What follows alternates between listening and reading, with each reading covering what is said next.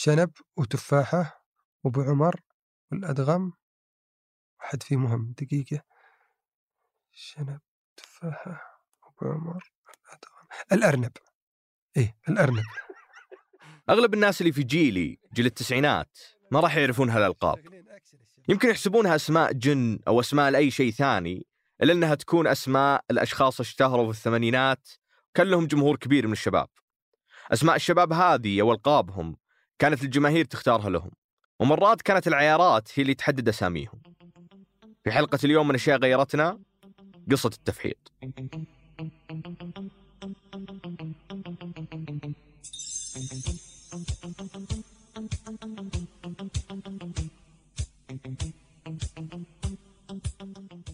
يا هلا أنا مازن العتيبي وهذا بودكاست أشياء غيرتنا من إذاعة ثمانية. التفحيط كان وما زال واحدة من أغرب الظواهر المجتمعية اللي طلعت في المجتمع السعودي وأكثرها خصوصية والتصاقا فيه. ويمكن هي الظاهرة الوحيدة اللي تكاد ما تكون تكررت خارج الخليج. بس السؤال اللي يجي في بالي زي العادة هو كيف بدأ التفحيط من وين جاء أصلا؟ هي حقيقة ظهرت لل في ال... خلينا نقول لك تبلورت حسب معلوماتي هنا في الرياض. وظهرت كأول ظهور لها عالميا يبدو لي ربما في أشكال أخرى مقاربة لكن أول ظهور عالميا لما يسمى التفحيط الآن هو ظهوره كان في الرياض هنا. كانت آه، عبارة عن آه، أشبه بالتطعيس اللي يسمى الآن تطعيس. كانوا في يعني آه، الكثبان الرملية في منطقة خزام وشرق الرياض الكثبان الرملية اللي استمرت إلى يومنا هذا هم يعني يطعسوا فيها. تطورت أكثر إلى أن بدأت مع مع بداية الرخاء المادي أنها تصير داخل الطرق. ما كان خلف الكثبان داخل الطرق.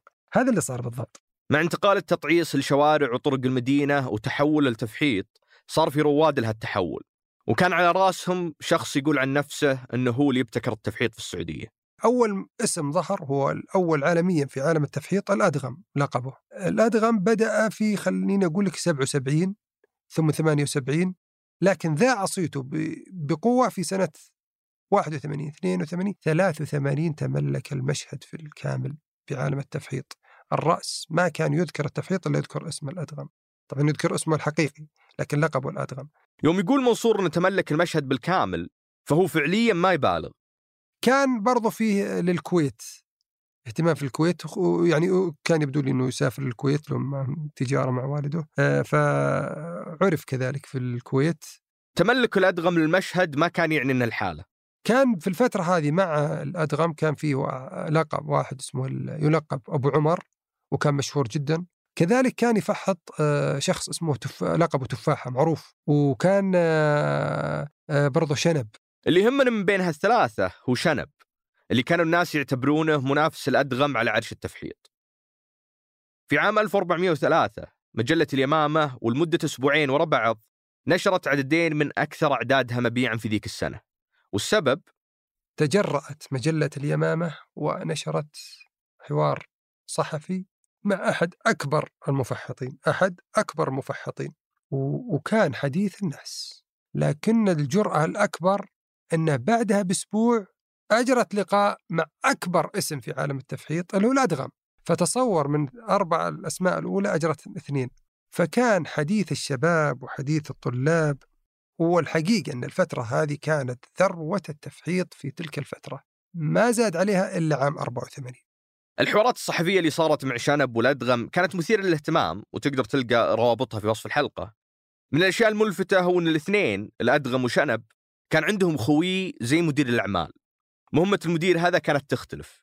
فمرات تلقاه هو اللي يتقدم موكب شنب مثلا أو يعلق على التفحيط زي التعليق على المباراة وأحيانا يحذر شنب والجماهير من الدوريات إذا قربت. وهالمدير كان يفخر بمنصبه زي مدير الأدغم اللي كان يسمي نفسه مساعد كابتن من زود الفخر. الشيء الثاني اللي لفت انتباهي هو أن الاثنين كانت شعبيتهم كبيرة. لدرجة أن بعض الشباب كانوا يجون عند بيت شنب ينتظرونه من الظهر لين العصر. يطلبونه لا يترك التفحيط. غير اللي كانوا يرمون شمغتهم تحت كفرات سيارة الأدغم ويطلبونه ما يترك التفحيط بعد.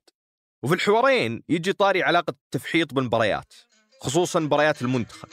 لكن بعد الفاصل.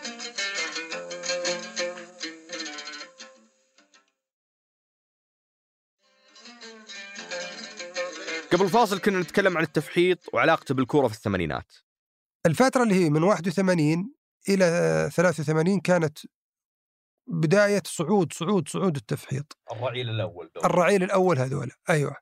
هنا عاد خلينا نقول لك لا دخلنا 84 هذه دخلت إنجازات المنتخب السعودي. التأهل إلى لوس أنجلوس والفوز بكأس آسيا بسنة واحدة ميلادية سنتين هجرية. هنا التفحيط بلغ ذروته في السنتين هذه بلغ ذروته مثل الفيديو بلغ ذروته في السنتين هذه. حتى كانت ال... يعني في إعلانات التلفزيون أو حتى المذيع بعد المباريات اللي ينتصر فيها التلفزيون كان يقول يعني شبابنا يفرحوا ويطلعوا يعب... إذا يبي يعبروا عن أفراحهم بعيد عن الضوضاء بعيد عن الإزعاج بعيد عن الممارسات الخاطئة. أيوه هو يقصد التفحيط حقيقة ولا التجمعات المشينة والتخريبية هذه. مع بلوغ الذروة صاروا الشباب يتفننون في التفحيط وطلعت حركات كثيرة. الحركات اللي ظهرت في الثمانينات العكسية السلسلة الإزدواجية حركة الريوس. الأربع حركات هذه طبعا فيها يسمون التنطيل التجديع التربيع الأمور هذه. الأربع اللي ذكرتها العكسية الإزدواجية حركة الريوس السلاسل أو السلسلة. هذه أشهر حركات. اللي طبقها هذا أتقن أتقن الصنعة يعني. وش طيب السلسلة أنه يدير السيارة عدة مرات ما يوقف يعني يجيك مسرع ويجعفها كذا ثم تاخذ الدورة كاملة ثم ترجع وتاخذ الدورة كاملة ثم ترجع وتاخذ الدورة كاملة ثم ترجع وتاخذ الدورة. هذه السلسلة.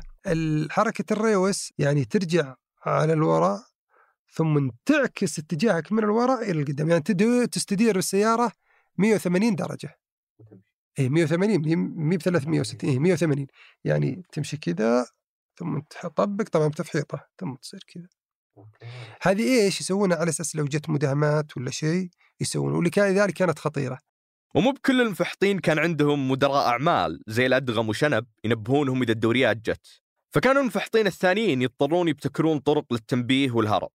كان عندهم رموز كان عندهم يعني آه هم كان إيش؟ أول يحطوا مثلا سيارة في أول الشارع وأول حارة وأول حارة هذول عيون. إذا جاء أي مرور سيارة مرور أو سيارة دورية أو شيء يجوا هذا يعني يكبسوا بالإضاءة ويضربوا بواري يعني جت أحيانا صاروا حاطين سياكل سي شباب صغار سياكل يجوا بسرعة السياكل. وكان عندهم عبارات يعني ما يقد ما يقول لك المرور جاء يقول لك الدولة أو يقول لك ال Dodge. ال Dodge كانت سيارات Dodge وقتها وكان المرور فلفو فإذا قال الدوج فاعرف إنه وصلت الدورية الأمنية أو الدوريه المرور. أحيانا تكون كذبة. أصلا المرور ما يجي كذا. المرور يجي متخفي بين السيارات ما يجي بسيارة دورية. بعدين ما كان يجي المرور يجي بدورية. ليه؟ لأنه إذا جاء بالدورية أو بالمرور أحدث ربكة وصارت الحوادث فبدأوا يجوا مختفي لكن أحيانا نفس الجماهير الحاضرة هذه تجي تقول المرور أو الدورية إلى آخره فيصير ارتباك. الارتباك هذا الناس اللي بسياراتهم بيهجوا بيهربوا يصدموا طلاب صغار. وهذا شفته أنا بعيني. أو يصدموا مثلا بعضهم بعض. المفحط نفسه آه، يرتبك ويستعجل وينقلب. إذا جينا نقسم المفحطين فنقدر نقول أن الجيل الأول هو جيل أواخر السبعينات وبداية الثمانينات. الجيل اللي فيه تفاحة والأدغم وشنب وباقي الشباب. يجي بعدهم الجيل الثاني جيل التسعينات. آخر التسعينات ظهر مفحط اسمه سعد يعني في التسعينات معروف هنا في الرياض وكان هو اللي يعني اسمه الأشهر في التسعينات. بعده ظهر بعض بعده واحد آه، يلقب أبو زقم في بالألفية عرف أو بنهاية بنهاية التسعينات وكذلك ال King. الله يرحم من توفي منهم ويطيل عمر الحي على الطاعة. والأسماء هذه أشهر لأغلب الناس من الأدغم وشنب لسبب مهم. وهو ان ظهورهم في نهاية التسعينات تزامن مع بداية انتشار كاميرات التصوير ومواقع الإنترنت. في ذيك الفترة كانوا بعض اللي يحضرون أماكن التفحيط يأخذون معهم هالكاميرات ويصورون ثم يمنتجونها وينشرونها في المنتديات، أو الأكثر شيوعا أنهم ينسخونها على شريط فيديو أو سي دي ويبيعونها على الناس. هذه الأشرطة بعضها مرفوعه على اليوتيوب بأسماء الجروبات اللي أنتجتها، مثل أشرطة إرهابي وأشرطة سراب، واللي كان لهم اصدارات متعددة من كثر ما هم ناجحين.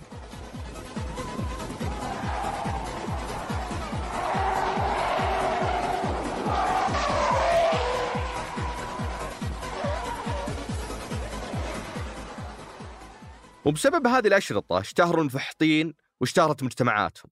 بعد ما كان تأثيرهم محدود على اللي حولهم مباشرة صرت تقدر تشتري شريط من هالأشرطة وتشوف مهاراتهم ومخاطراتهم. تدخل على النت عشان تتكلم فيه مع غيرك من المعجبين. المعجبين اللي لهم إبداعات فنية في مدح مفحطينهم المفضلين. بعضهم كان يكتب شعر وقصايد وبعضهم كان يكتب أغاني كاملة ويغنيها. مثل هالكسرة في مدح الكينج اللي ذكره منصور قبل شوي.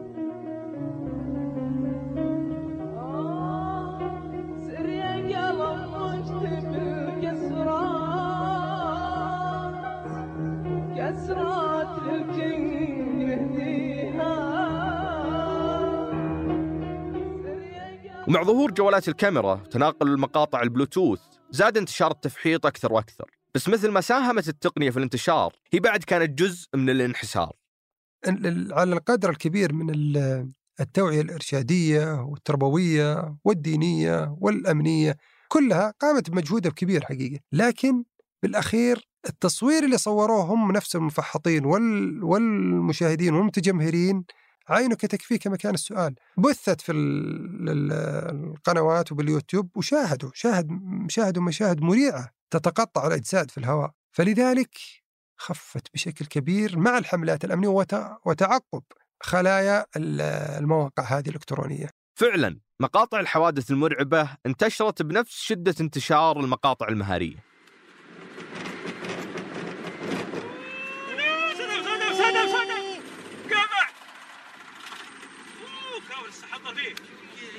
طير طير صار هذا صار صار صار ومثل ما كان المقاطع المهارية أسلوبها في المونتاج وأغاني مرتبطة فيها حتى مقاطع الحوادث كان لها أسلوب. منها شيلة أو نشيد الموت هين البلاوش ورا الموت. اللي مجرد ما تبحث عنها بتطلع لك مقاطع حوادث.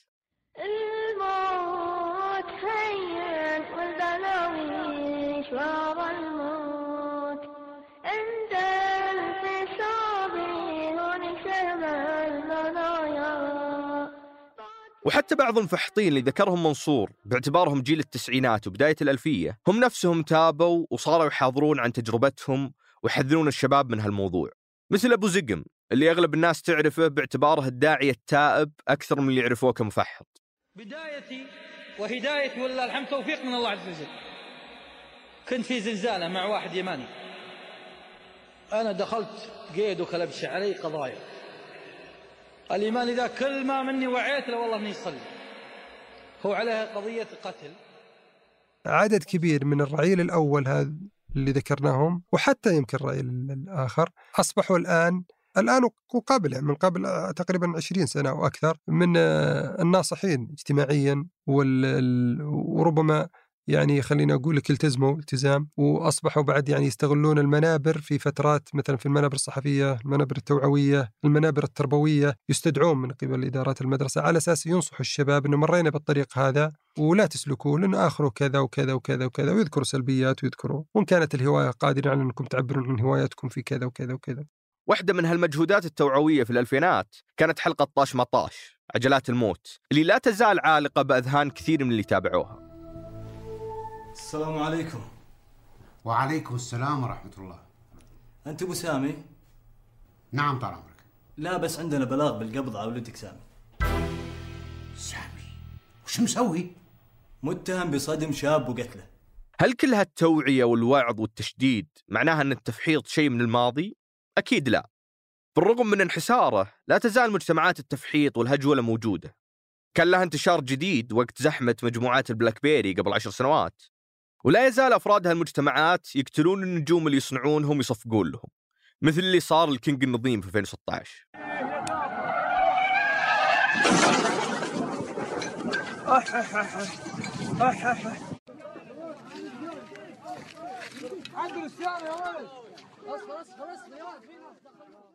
هل راح تستمر هالدائرة قدام؟ الله أعلم. لكن خلنا نختم بشيء أخف وأقل سوداوية. تذكرون كلامنا عن القصايد والأغاني اللي كانت تكتب عن التفحيط؟ منصور صدمني بأغنية غيروا شباب ذاك الوقت كلماتها عشان تناسب هوايتهم ذي. أغنية لو أعطيك سنة تخمن وش هي ما أتوقع تقدر. نختم بها ونذكركم من نهاية الحلقة فيها مقتطف من حلقة الأسبوع الجاي.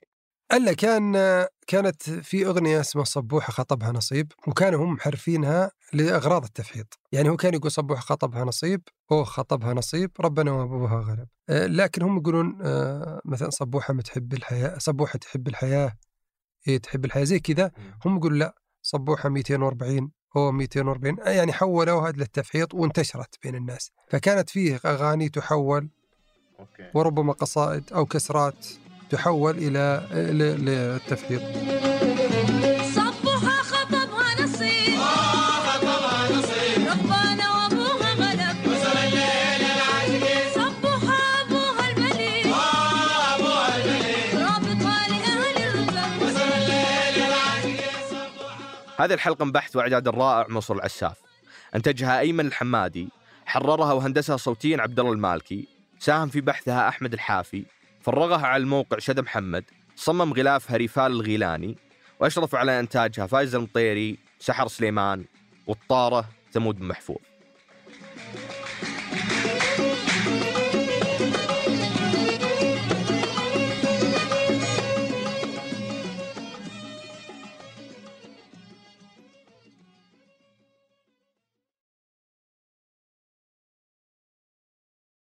يعني على مستوى الشخصي أنا أنا قدرت أعرف لبسهم مثلا ففي في كذا انطباع إنه آه، لبس أهالي المنطقة كان بطريقة معينة بس لما تجي تشوف الصورة هذه تج- تجده مختلف نهائيا عن اللي عن اللي موجود في في الموروث ولا حتى اللي موجود في كتب التاريخ.